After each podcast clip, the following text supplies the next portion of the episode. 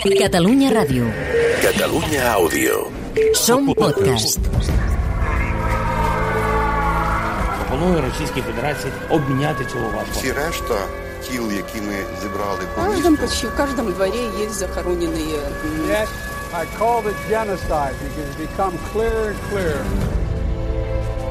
La guerra al dia. Amb Albert Mercader.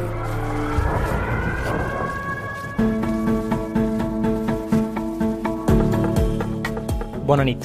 És dijous 28 d'abril, el dia que Antonio Guterres, el secretari general de l'ONU, ha visitat l'horror de Butxa d'Irpin i Borodianka.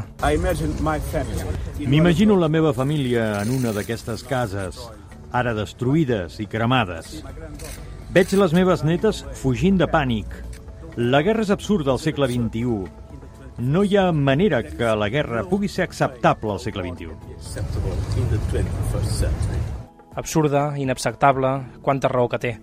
La realitat, però, és que tot plegat està passant, us ho puc assegurar. Avui, però, us he d'explicar una altra història. Una història que comença així.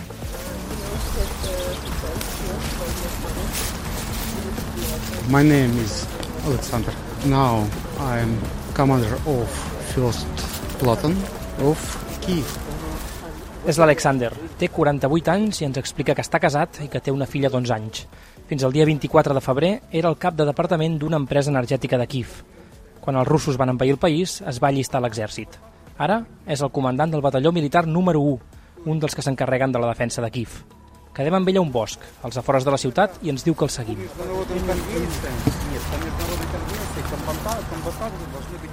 Anem fins al lloc on l'exèrcit té instal·lat un dels punts clau per la defensa de la ciutat. L'Alexander i els seus homes, 28 soldats, combaten des d'allí des que va començar la guerra. La primera setmana, l'exèrcit rus va arribar fins allí, a les portes de la ciutat, però no hi van poder entrar. L'exèrcit ucraïnès els ho va impedir. Entre els que van protegir la capital hi havia l'Alexander i els seus homes. Va ser aterridor. Els russos eren a 4 o 5 quilòmetres d'aquí. Van cremar molts edificis. Hi havia tancs per tota la carretera. Disparaven molts trets tota l'estona. Feia molta por. Passem el dia amb ells. Ens ofereixen cafè i ens ensenyen el seu campament. A la part de davant hi ha les trinxeres, des d'on es veu la carretera d'entrada a la ciutat. Han excavat passadissos per moure's de manera subterrània i petits habitacles, sota terra, que fan servir d'habitacions. Dormen cinc o sis a cada forat d'aquests, un al costat de l'altre, a terra, amb sacs a dormir. Són tot homes i tot ucraïnesos. Al menjar ens diuen que els el fan arribar voluntaris des de Kif. i quan els preguntem com s'ho fan per dutxar-se, es posen a riure. Fa 10 setmanes que viuen aquí. Heu d'entendre que la majoria de la gent, com jo, no ens podíem creure que aquesta invasió fos possible. Fins i tot un dia abans que comencés no ens ho podíem ni imaginar. Quan la guerra va començar, com jo, molta gent va deixar la seva vida i es va unir a les defenses territorials i a l'exèrcit per protegir i defensar Kiev. Així és com vam aconseguir aturar l'exèrcit rus. De fons se senten trets. Ens expliquen que a la zona hi ha diversos batallons com el seu. Mentre vigilen l'entrada a la ciutat, continuen fent instruccions i entrenaments. S'entrenen per matar. Ens ensenyen les armes, els seus fusells, els matxets, per cert, m'ensenyen orgullosos que són de fabricació espanyola, i la joia de la corona, un llançacoets americà que els va de conya, diuen, per destrossar tancs russos. Quan li dic que jo no sé si seria capaç de matar, mireu el que em respon. Вы понимаете, это как в компьютерной игре. Tu també podries matar. Tu has d'imaginar com un videojoc, on hi ha punts, objectes que es mouen, i el teu objectiu és disparar i matar-los. El que tens davant no és una persona. Ells no són persones, són enemics.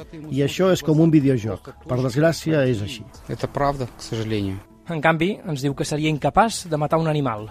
Un gos, un gat, un conill... Mai li faria mal, diu. Tampoc seria capaç de matar un civil, una dona, algú que em mira els ulls... Però un soldat sí. Diu que l'uniforme deshumanitza. Per ells, ara ho sentíem, deixa de ser una persona per convertir-se simplement en un enemic. Continuem caminant per la zona. Amb la polèmica que hi ha respecte al batalló Azov i les justificacions de la invasió per part del Kremlin de que calia desnazificar el país, no me'n puc estar de preguntar-li si hi ha nazis allí, o si, de fet, ell és un nazi. Escolteu què em respon. La millor prova que no som nazis és que jo mateix vinc de Rússia.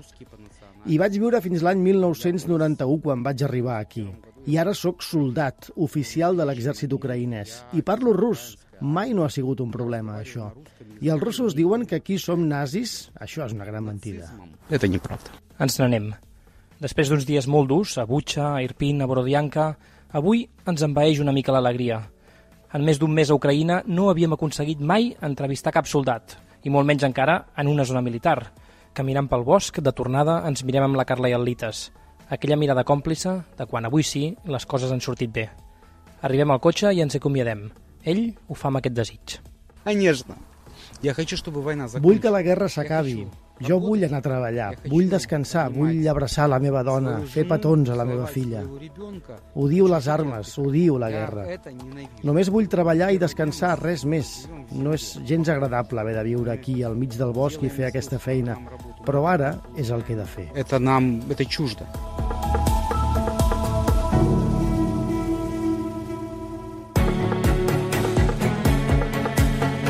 Guerra al Dia és un podcast dels enviats especials de Catalunya Ràdio a la Guerra d'Ucraïna.